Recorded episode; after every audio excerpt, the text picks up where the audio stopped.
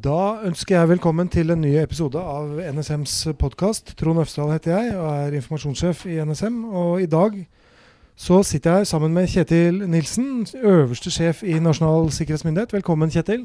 Jo, tusen takk. Og nå skal vi snakke om eh, det som vel er eh, av, eh, en av våre store milepæler i løpet av året. Det er risikorapporten vår. Risiko 2020. Um, for det er jo en av NSMs hovedoppgaver. Det er å se til at Norges viktigste virksomheter og samfunnsfunksjoner er trygt ivaretatt mot villede, ondsinnede handlinger. Og den oppgaven løser vi da gjennom testing og kartlegging av sikkerhet. Gjennom informasjon, undervisning, veiledning og rådgivning om tiltak. Og så gir vi da ut denne rapporten, Risiko 2020, hvor vi ser på de viktigste risikoene og kommer med en del begrunnede anbefalinger. Uh, så dette er litt sånn julekvelden det er for deg, Kjetil, er det ikke det? Ja, du kan jo gjerne si det sånn. Det er mange som har arbeidet med rapporten. Eh, det er ikke noe som uh, skjer på noen dager og uker. Det er noe som vi holder på med hele året. Uh, det som nå er klart, Risiko 2020, som den heter, det er den rapporten eller publikasjonen som vi da eh, presenterer eh, offentlig.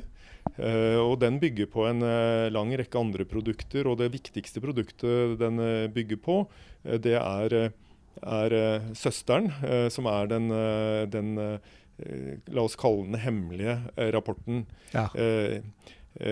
Den, eller gradert, som de innvidde ville kalle den. Ja. og den. Så det er et grunnlag. Så er det noe som står i den som vi ikke kan gå ut med offentlig. Ja.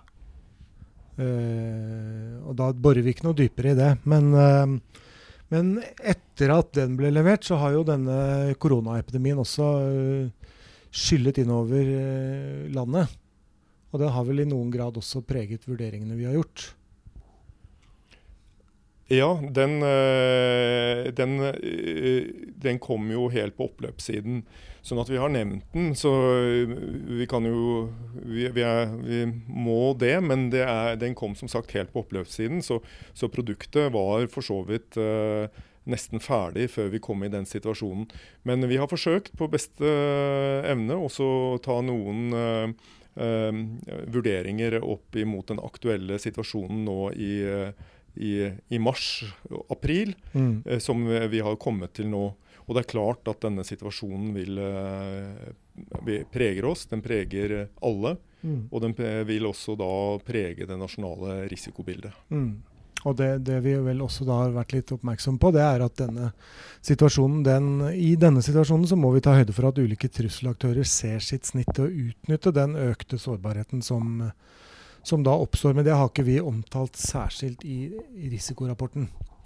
Uh, men vi har uh, Hvis du skal peke på de tre viktigste risikofaktorene i rapporten, hva er det du vil framheve da? Uh, i, blant det vi påpeker, så er det særlig tre ting som, som vi trekker frem. Og de er for så vidt ikke nye. Men de er, eh, de er alle eh, det vi, som vil stå over noen år og vil være viktige.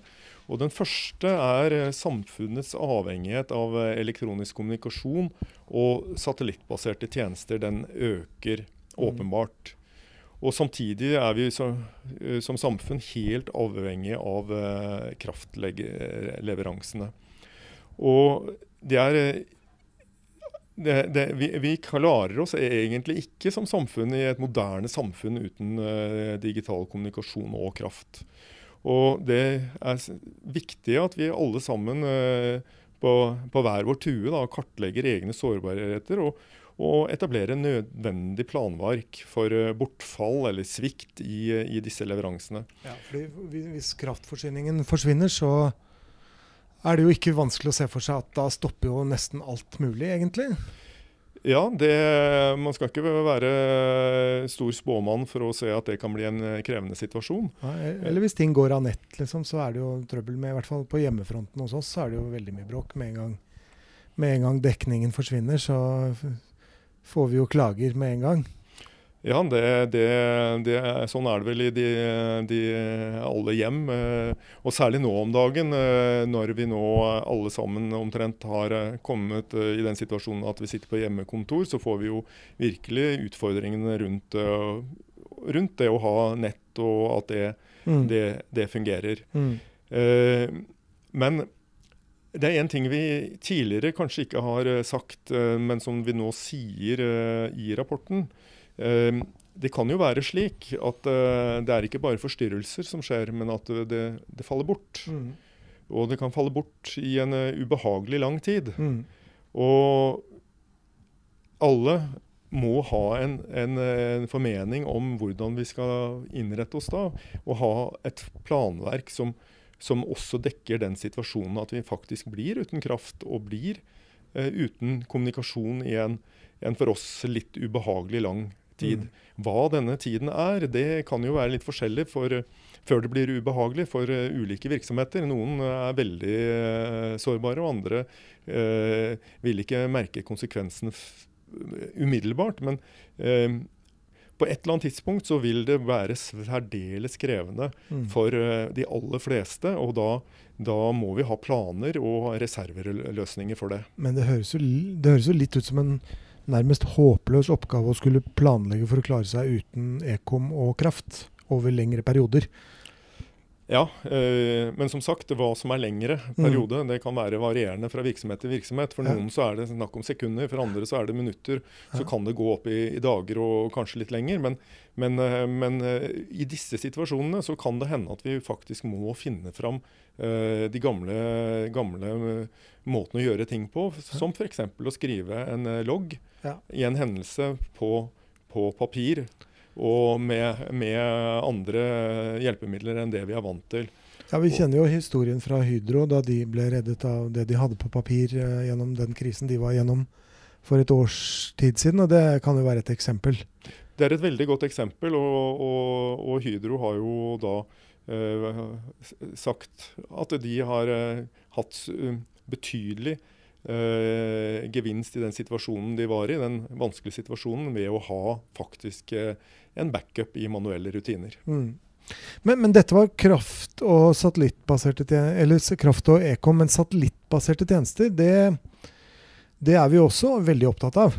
Bortfallet av det, eller hvor, hvor avhengig vi er av satellittene nå. For det er jo kanskje ikke noe alle går rundt og tenker på sånn til daglig. Det er jo fremdeles slik at det meste går jo ikke over satellitt, men mye går over satellitt.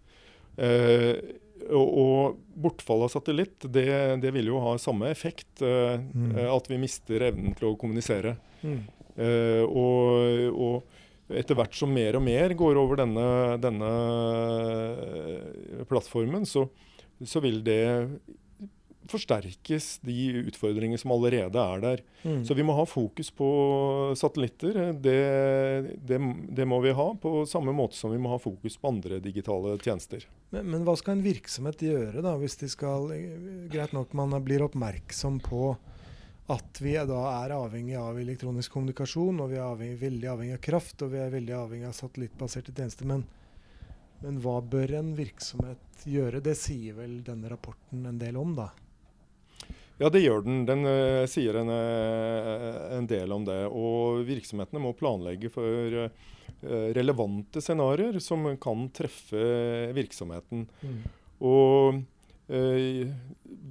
til vanlig oss selv i våre tusen hjem, som vi nå sitter i, i hjemmekontor vi, Det er jo å ha alternative løsninger mm. vi snakker om. Såkalt redundans? Ja, redundans. Ja. Og det kan treffe oss uh, i det mest uh, uh, dagligdagse. Og det å f.eks. ha to måter å, å, skaffe seg kraft på. Mm. for de som er helt avhengig av kraft, de kanskje bør vurdere det. Og, og det kunne også være et eksempel er jo da å ha en 4G-mulighet som supplement til å ha fiber ja. inn i, i, uh, ja. i huset. Mm. Nettopp. Og så er det Det var liksom punkt én i rapporten. Eh, omfattende greier, dette her. Eh, men punkt to Ja, punkt to det, det, er en fortsettelse på mange måter av det, det, det forrige. For det handler om økende avhengigheter, det òg. Mm. Men det fokuserer på eh, verdikjeder og, og, som er så lange at de blir uoversiktlige. Verdikjeder, det kan du kanskje forklare litt nærmere. Hva, hva er det? Ja, alt eh, vi driver med, eh, henger sammen. F.eks. Eh, når du går i, i, i, butikken og betaler med, med uh, kredittkortet i, i Minibanken eller i, i kortleseren der, så skal den transaksjonen gjennom veldig mange ledd. før den har vært i banken din, og kanskje innom banken til til butikken og tilbake igjen. og Det er mange aktører i den kjeden. og den, den er, Det er mange steder trafikken skal innom. Det er mange forskjellige firmaer, virksomheter og kanskje også mange land den skal innom før det, den transaksjonen er gått gjennom. Og Det er en slik verdikjede. Mm. Og det, Den som begynner å kartlegge slike verdikjeder, vil finne ut at det er utrolig mange involverte uh, i den kjeden med leverandører og underleverandører. Mm. Og bare å holde oversikten, det, det høres ut som en formidabel jobb. Ja, det er det vi påpeker. At det å holde eh, oversikten om det over slike kjeder er vanskelig. Eh, og vi, som en del av det, så, så, retter vi også fokus, og det har vi også gjort noen år nå, på, på verdikjeder som strekker seg utover våre landegrenser. Mm. Ja, for det var jo en, en, periode det var veldig trendy å drive og sette ut tjenester til, eh, til, andre land. Og det er vel en del som da kanskje har reversert i noen grad, men det er jo fortsatt sett på som en, en måte å effektivisere en virksomhet. Um, men vi sier vel en del om tjenesteutsetting også i, i rapporten, gjør vi ikke det? Det gjør vi. Uh, og, og Eh, tjenesteutsetning er, som du er inne på, ofte et resultat av eh, at virksomhetene ønsker kostnadseffektive tiltak. Mm. Eh, og ofte så er det også slik at det å sette ut tjeneste, det kan øke kvalitet. Og det ja. kan øke, øke din egen redundans. og du setter gjerne ut til eh, virksomheter som har høy kompetanse. Ja, For det er ikke noe i veien for det i seg selv å gjøre det? Nei, og det Nei. er poenget. Det er ikke sånn at vi går og advarer mot det? Nei. Tjenesteutsetting eh, det kan både være rimelig og effektivt, men det kan også være sikkert. Mm. Eh, sikkert fordi du trekker på store profesjonelle aktørers kompetanse. Og, og, som du kanskje ikke har selv i, i virksomheten. Mm. Men når du gjør dette, og tjenesteutsetter, og kanskje gjør det til andre land, så må du vite hva du gjør. Og det er poenget vårt. Du må ha god oversikt, du må ha god kompetanse. Og i tillegg til å ha teknologisk forståelse, så må du ha god kompetanse på kontrakter og, og juss uh, i dette. Uh, fordi i det øyeblikket du knytter deg opp eh, mot andre, så blir du helt avhengig av hva de, uh, hva de, de har evne til å gjøre, hvordan de kan bistå deg. Og da er det kontraktene ja. som, som, blir særdeles viktige i dette bildet. Ja, For du har ikke nødvendigvis oversikt over hvordan de behandler det, det du har satt bort til dem. Og hvis det er noe du skal beskytte, så må man jo vite på hvilken måte denne man har satt ut til, eh, forvalter det du har gjort. da. Og ja. der er det vel en del som har gått i bar. Men det, det høres jo litt ut som eh, noe som både er komplisert, men også litt selvfølgelig. At man må skaffe seg denne kompetansen, og at man må vite hva man gjør i en virksomhet. Men, men det betyr jo samtidig at vi har vel da sett en del eksempler på at ikke nødvendigvis alle vet helt hva de gjør, og at det er derfor ting går galt også. Ja, det er det vi har sett, øh, og det har vi sett over år. At øh, det skjer øh, mange glipper. Mm. Jeg velger å kalle det glipper, mm. for det er nok ikke det er jo ikke vond vilje, dette, men det, det er blitt så komplekst. Mm. at mange av aktørene ikke har nødvendig informasjon og kanskje av og til da treffer beslutninger på sviktende grunnlag. Mm. Og Det er derfor vi eh, anbefaler på det sterkeste å gjøre gode eh, risikovurderinger. Mm. Eh, risikovurderinger som, eh, som tar inn teknologiske forhold. Eh, tar inn eh, eh, hva gjør du hvis eh, det kommer en eh, sikkerhetspolitisk krise? Eh, har du mulighet til å bringe Mm. virksomheten tilbake til Norge? Har du Mm. mulighet for å, å drive dette i Norge? Kan du bytte mellom ulike leverandører lett? Mm. Eh, og ikke minst da den eh, kontraktuelle, juridiske siden av dette eh, må være en del av risikovurderingene. Ja. Det er noen spørsmål som eh, virksomhetene må stille seg. Ja. De må, må stille spørsmål til seg selv om hva er konsekvensene av brudd i en slik verdikjede. Og hvordan kan vi da begrense disse, disse bruddene i denne kjeden. Mm. Med formål da å redusere den risikoen man tar. Selvfølgelig Mm. formålet å, å, å redusere risikoen. Eller mer presist sårbarheten. Mm. Men ja, og så er vi over på punkt tre. Ja, det tredje temaet som vi eh, fokuserer på, det er eh, Det er mange ord, ord på det, men sammensatte trusler er ofte det det eh, handler om. Det høres sammensatt ut. Ja, det er Ja. det det gjør. Det er litt eh, vanskelig eh, og, og, og det er mange definisjoner og hybride trusler. Hybride trusler. Ja. ja. Og, men for også i denne kontekst eh, å, ta essensen av hva vi er eh, opptatt av, det er nå strategiske oppkjøp, investeringer eller påvirkning eh, eh, som rammer da norske sikkerhetsinteresser.